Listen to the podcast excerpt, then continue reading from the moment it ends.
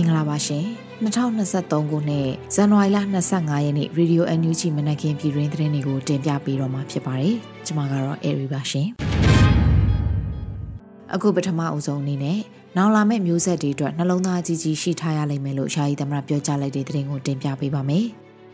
ဇန်နဝါရီလ24ရက်နေ့ကကျင်းပတဲ့အမျိုးသားညီညွတ်ရေးအစိုးရရဲ့လေးမြင့်ဆောင်2023အစိုးရအဖွဲ့အစည်းအဝေးမှာယာယီသမရဒူဝါလက်ရှိလာကအခုလိုပြောကြားခဲ့ပါတယ်။ Federal Democracy နိုင်ငံတော်တဲ့အတွက်ကျွန်တော်တို့အားလုံးမှာဘုံသဘောတူညီချက်တွေဘုံရည်မှန်းချက်တွေလိုအပ်ပါတယ်။နိုင်ငံတခုပြန်လည်ထူထောင်ရေးကိစ္စဟာအင်မတန်နဲ့နေသလိုအင်မတန်လည်းရှုပ်ထွေးပါတယ်။ဒါ့အပြင်တိုင်းပြည်ထူထောင်ရေးကိစ္စဟာအမှုပညာတရက်လိုနှလုံးသားနဲ့ရှင်းပြီးလုပ်ကိုင်ရတဲ့ကိစ္စလည်းဖြစ်ပါတယ်။ကျွန်တော်တို့ဟာနောင်လာမယ့်မျိုးဆက်တွေအတွက်နှလုံးသားကြီးကြီးရှိထားရပါလိမ့်မယ်။ဒါ့အပြင်နောက်နှစ်ပေါင်း560လောက်အထိကြိုတင်မျှော်မြင်ထားကြဖို့လည်းလိုအပ်ပါတယ်လို့ဆိုပါတယ်။ ဒါအပြင်ခိုင်မာကြစ်လက်တဲ့နိုင်ငံရေးပြည်ညင်တစ်ခုရရှိအောင်ဆွေးနွေးညှိနှိုင်းမှုတွေမပြတ်ရှိနေတယ်လို့လည်းယာယီသမရကအတည်ပြုပြောကြားခဲ့ပါသေးတယ်ရှင်ဆလဘီ CDM လှုပ်ရှားမှုကိုနှစ်နှစ်တိတိရဲရဲဝံ့ဝံ့ရွရွချွန်ချွန်ခိုင်မာတဲ့စိတ်ဓာတ်နဲ့လှုပ်ဆောင်နေတဲ့ပြည်သူသူရဲကောင်းတွေနဲ့နိုင်ငံသူရဲကောင်းတွေကိုဂုံပြုချီးမြှင့်ခြင်းဆိုင်ရာတွေကိုအစိုးရအဖွဲ့အစည်းအဝေးမှာတင်ပြခဲ့ပါတယ်။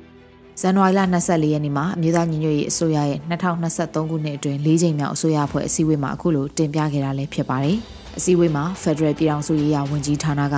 86နှစ်မြောက်ပင်လုံစာချုပ်ချုပ်ဆိုခြင်းအခမ်းအနားကျင်းပနိုင်ရေးကိစ္စရပ်ကိုတင်ပြခဲ့ပြီး CDM Success Committee ကအကြမ်းမဖက်အာဏာဖီဆန်ရေး CDM လှုပ်ရှားမှုကိုနှစ်နှစ်တိတိရဲရဲဝံ့ဝံ့ရွရွချွန်ချွန်ခိုင်မာတဲ့စိတ်ဓာတ်နဲ့လှုပ်ဆောင်နေတဲ့ပြည်သူသူရဲကောင်းတွေနဲ့နိုင်ငံသူရဲကောင်းတွေကို ဂုဏ်ပြုချီးမြှင့်ခြင်းဆိုင်ရာထုတ်ပြန်ကြေညာဖို့တင်ပြတာတွေကိုလှုပ်ဆောင်ခဲ့ပါတယ်။အစည်းအဝေးကိုယာယီသမရဒူဝါလက်ရှိလာအပါအဝင်ပြည်ထောင်စုဝန်ကြီးတွေနဲ့ဒုတိယဝန်ကြီးတွေတက်ရောက်ခဲ့ကြတယ်လို့သတင်းရရှိပါရရှင်။တော်လန်ရေးရဲ့အစဉ်တိုင်းမှာပြည်သူလူထုပါဝင်မှုဟာတော်လန်ရေးအောင်မြင်ရေးအတွက်အခရာဖြစ်တယ်လို့ပြည်ထောင်ရေးဝန်ကြီးပြောကြားခဲ့တဲ့သတင်းကိုလည်းတင်ပြပေးပါမယ်။ဇန်နဝါရီလ24ရက်နေ့က ပြည်ထောင်ရေးနဲ့လူဝမှုကြီးကြပ်ရေးဝန်ကြီးဌာနကသတင်းနဲ့ပြန်ကြားရေးတင်နန်းဖွင့်လှစ်ပို့ချရာမှာပြည်ထောင်ရေးဝန်ကြီးဦးလွင်ကိုလက်ကအခုလိုပြောကြားခဲ့ပါတယ်။တော်လန်ရေးကာလဟာနှစ်နှစ်တာအချိန်ကာလကိုရောက်ရှိလာပြီး2023ခုနှစ်ကိုအဆုံးဖြတ်နှစ်ဟုသတ်မှတ်၍အင်တိုက်အားတိုက်ဆောင်ရွက်ကြရမယ့်အချိန်ကာလတစ်ခုဖြစ်ကြောင်းတော်လန်ရေး၏အစဉ်တိုင်းတွင်ပြည်သူရဲ့ပါဝင်မှုသည်တော်လန်ရေးအောင်မြင်ရေးအတွက်အခရာဖြစ်တယ်လို့တော်လန်ရေးဤတက်ဦးမှာသွားနေတဲ့အမျိုးသားညီညွတ်ရေးအစိုးရနဲ့ပေါင်းဆက်ပြီးဆောင်ရွက်နေတဲ့ အဖွဲ့အစည်းအသီးသီးမှာရှိတဲ့တာဝန်ရှိသူတွေအားလုံးရဲ့ကဏ္ဍပိုင်းဆိုင်ရာတွေအပြင်လုပ်ငန်းပိုင်းဆိုင်ရာအားကောင်းရေးဟာလည်းအခရာကြပါကြောင်းဝန်ကြီးကဆိုပါတယ်။အဆိုပါတင်တန်းမှာ social media platform ကိုပုံမကောင်းမွန်စွာအသုံးချဆောင်ရွက်နိုင်မှုတွေကို2023ခုနှစ်ဇန်နဝါရီလ24ရက်နေ့ကနေ28ရက်နေ့အထိ၄ရက်တာတင်တန်းပို့ချသွားမှာဖြစ်ပြီးတင်တန်းကိုပြည်သူ့အုပ်ချုပ်ရေးအဖွဲ့ပြည်သူ့လုံခြုံရေးအဖွဲ့တွေနဲ့ဝန်ကြီးဌာနအသီးသီးကပြန်ကြားရေးတာဝန်ခံတွေတက်ရောက်ခဲ့ကြတယ်လို့သိရရှိပါရရှင်။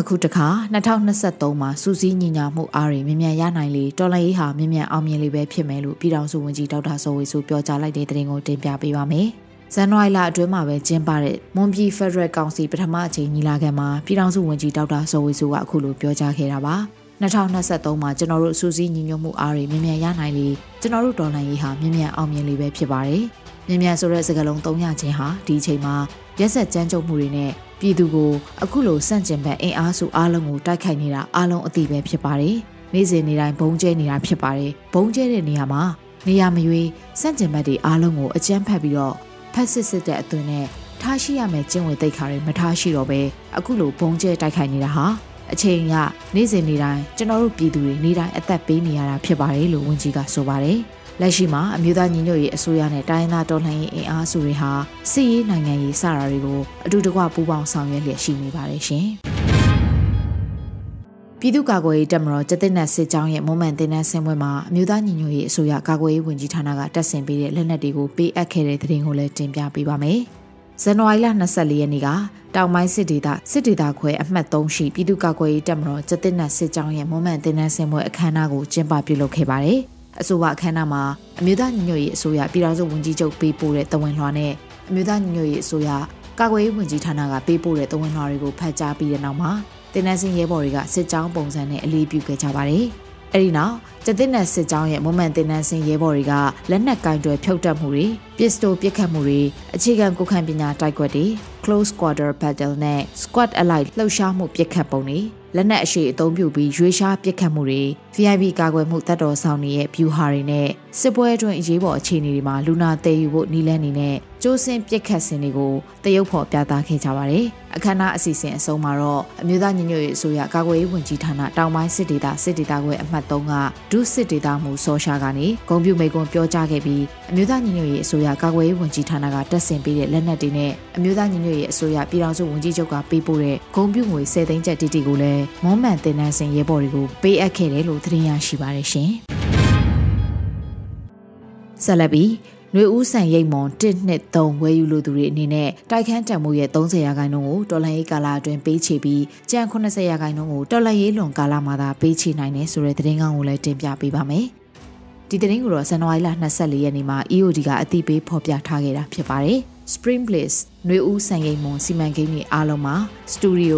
1 bedroom 2 bedroom 3 bedroom ဆိုပြီးအခန်းမျိုးစား၄မျိုးပါဝင်မှာဖြစ်ပါတယ်။နိုင်ငံသားတွေလည်းဝယ်ယူနိုင်ပါတယ်။ တော်လှန်ရေးအလွန်ကာလမှာຫນွေဦးရန်ကုန်မြေကွက်တိုက်ခန်းတွေကိုနိုင်ငံသားပိုင်ဆိုင်မှုခွင့်ပြုတဲ့တည်တဲ့အမိန့်ဒီဂရီဥပဒေတွေပြဋ္ဌာန်းပေးပါမယ်။ဝယ်ယူလိုတဲ့တိုက်ခန်းတန်မိုးရဲ့30ရာခိုင်နှုန်းကိုတော်လှန်ရေးကာလအတွင်းပေးချေပြီးကြံ80ရာခိုင်နှုန်းကိုတော်လှန်ရေးလွန်ကာလမှာပေးချေရပါမယ်လို့အသိပေးဆိုထားပါတယ်။ Spring Bliss 1နှွေဦးဆန်ရိပ်မုံတရဲ့ဒီနေရာကတော့လှိုင်သာယာတရားအစဉ်ဖယ်ဘက်တက်ထိတ်မှတ်တိုင်မှာရှိတဲ့အကြံဖက်စစ်တပ်ပိုင်းမြေနေရာဖြစ်ပြီး Spring Bliss 2နှွေဦးစံရိမ်မွန်နှစ်ရဲ့ဒီနေရာကတော့တောင်တကုံအမှတ်နှစ်လမ်းမကြီးပေါ် Pro 1နဲ့မျက်စောင်းထိုးမှာရှိတဲ့အကျန်းဖက်စစ်တပ်ပိုင်းမြင်နေရပဲဖြစ်ပါတယ်။ Spring Bliss 3နှွေဦးစံရိမ်မွန်3ရဲ့ဒီနေရာကတော့မင်္ဂလာတုံစစ်တပ်ပိုင်းခောက်ကွင်းမင်္ဂလာတုံလေးရင်ကွင်းနဲ့ကပ်ရက်မြင်နေရဖြစ်တယ်လို့သိရှိရပါတယ်ရှင်။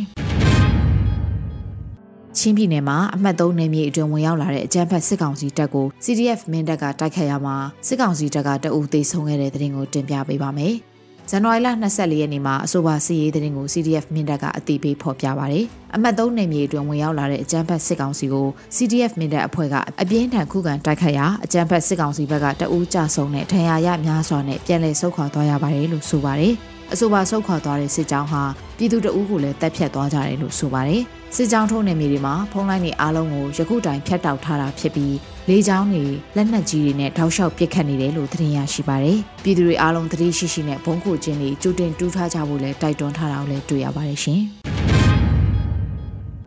ဆက်လက်ပြီးမရယာမြို့နယ်ဟင်းသာကုန်းကြီးရွာမှာအကြမ်းဖက်စစ်ကောင်စီအလို့ကြရွေးကောက်ပွဲအတွက်စီးရင်လိုက်လံကောက်ယူနေတဲ့အဖွဲ့နဲ့စစ်ကောင်စီတပ်တွေ drone နဲ့တိုက်ခိုက်ခံခဲ့ရတဲ့တဲ့တင်ကိုတင်ပြပေးပါမယ်။ဇန်နဝါရီလ24ရက်နေ့မှာပြင်ဦးလွင်ခိုင်ဘကဖကောင်းငင်တော်လှန်ရေးအင်အားစုကစီရေးသတင်းကိုအခုလိုအသိပေးဖော်ပြပါရယ်မဒီယာမြို့နယ်ဟင်းသာကုန်းကြီးရွာတွင်အကြမ်းဖက်စစ်ကောင်စီအလို့ကြရွေးကောက်ပွဲအတွက်စည်ရင်လိုက်လံကောက်ယူနေသောအဖွဲ့နှင့်စစ်ကောင်စီတပ်များအားမဟာမိတ်များမှ drone လေးစီးဖြင့်ပုံသီးချတိုက်ခိုက်ခဲ့ပါတယ်လို့ဆိုပါတယ် အထီးကအကြဆုံးစီရင်အတိအကျမသိရသေးပေမဲ့လည်းမဟာမိတ်တွေအနေနဲ့အထီးခိုင်မရှိဆုတ်ခွာနိုင်ခဲ့တယ်လို့လည်းသိရှိရပါတယ်။ဒီစစ်စင်ရေးကိုတော့ပြင်ဦးလွင်ခရိုင်ပကဖကောင်းငင်တော်လှန်ရေးအင်အားစု ADRF မတရား Sky Hero မတရားဒေါင်းစစ်တီမတရားနတ်ဆိုးမြောက်တော်လိုင်းတပ်ဖွဲ့နဲ့ Unicorn Guerrilla Force တို့ကပူးပေါင်းဆောင်ရွက်ခဲ့တာဖြစ်တယ်လို့လည်းသတင်းရရှိပါတယ်ရှင်။ အခုနောက်ဆုံးအနေနဲ့ခံကောမှာနန်းစီရီယန်ဝန်ထမ်း18ဦးခံကောမြို့နယ်ပြည်သူ့အုပ်ချုပ်ရေးအဖွဲ့ထံအလင်းဝင်ရောက်လာတဲ့သတင်းကိုတင်ပြပေးပါမယ်။ ဇန်နဝါရီလ24ရက်နေ့မှာဂံကောမြို့နယ်ပြည်သူ့အုပ်ချုပ်ရေးအဖွဲ့ကအခုလိုအသိပေးဆိုခဲ့ပါတယ်။ဂံကောခရိုင်ဂံကောမြို့နယ်အတွက်အကြမ်းဖက်စစ်ကောင်စီလက်အောက်တွင်တာဝန်ထမ်းဆောင်နေသောပညာရေးဝန်ထမ်း18ဦးနဲ့ထွေးအုပ်စရေးတဦးစုစုပေါင်း18ဦးတို့ဟာ၎င်းတို့၏အမှားများကိုသိရှိရုံသာမကစစ်ကောင်စီ၏စိုးဝါရက်ဆက်ရုံမှမှုများကိုကိုယ်တိုင်သိရှိပြီးစစ်ကောင်စီလက်အောက်တွင်တာဝန်ထမ်းဆောင်လိုစိတ်မရှိတော့သဖြင့်ဂံကောမြို့နယ်ပြည်သူ့အုပ်ချုပ်ရေးအဖွဲ့ခေါင်းဆောင်များနှင့်ဂံကောမြို့နယ်ပညာရေးဘုတ်အဖွဲ့ခေါင်းဆောင်များ၏ရှေ့မှောက်တွင် အလင်းဝင်ရောက်လာပါတယ်လို့ဖော်ပြပါတယ်။ကံကောမြို့နယ်မှာစစ်ကောင်စီတပ်တွေမကြာခဏစစ်ကြောင်းထိုးဝင်ရောက်ပေမဲ့လည်းနေမြေတစ်ခုလုံးကိုအပြည့်အဝထိန်းချုပ်နိုင်ခြင်းမရှိတော့ဘူးလို့သတင်းရရှိပါတယ်ရှင်။အခုတင်ပြပေးခဲ့တဲ့သတင်းတွေကိုတော့ Radio NUG သတင်းတောင်မင်းမင်းကပေးပို့ထားတာဖြစ်ပါတယ်ရှင်။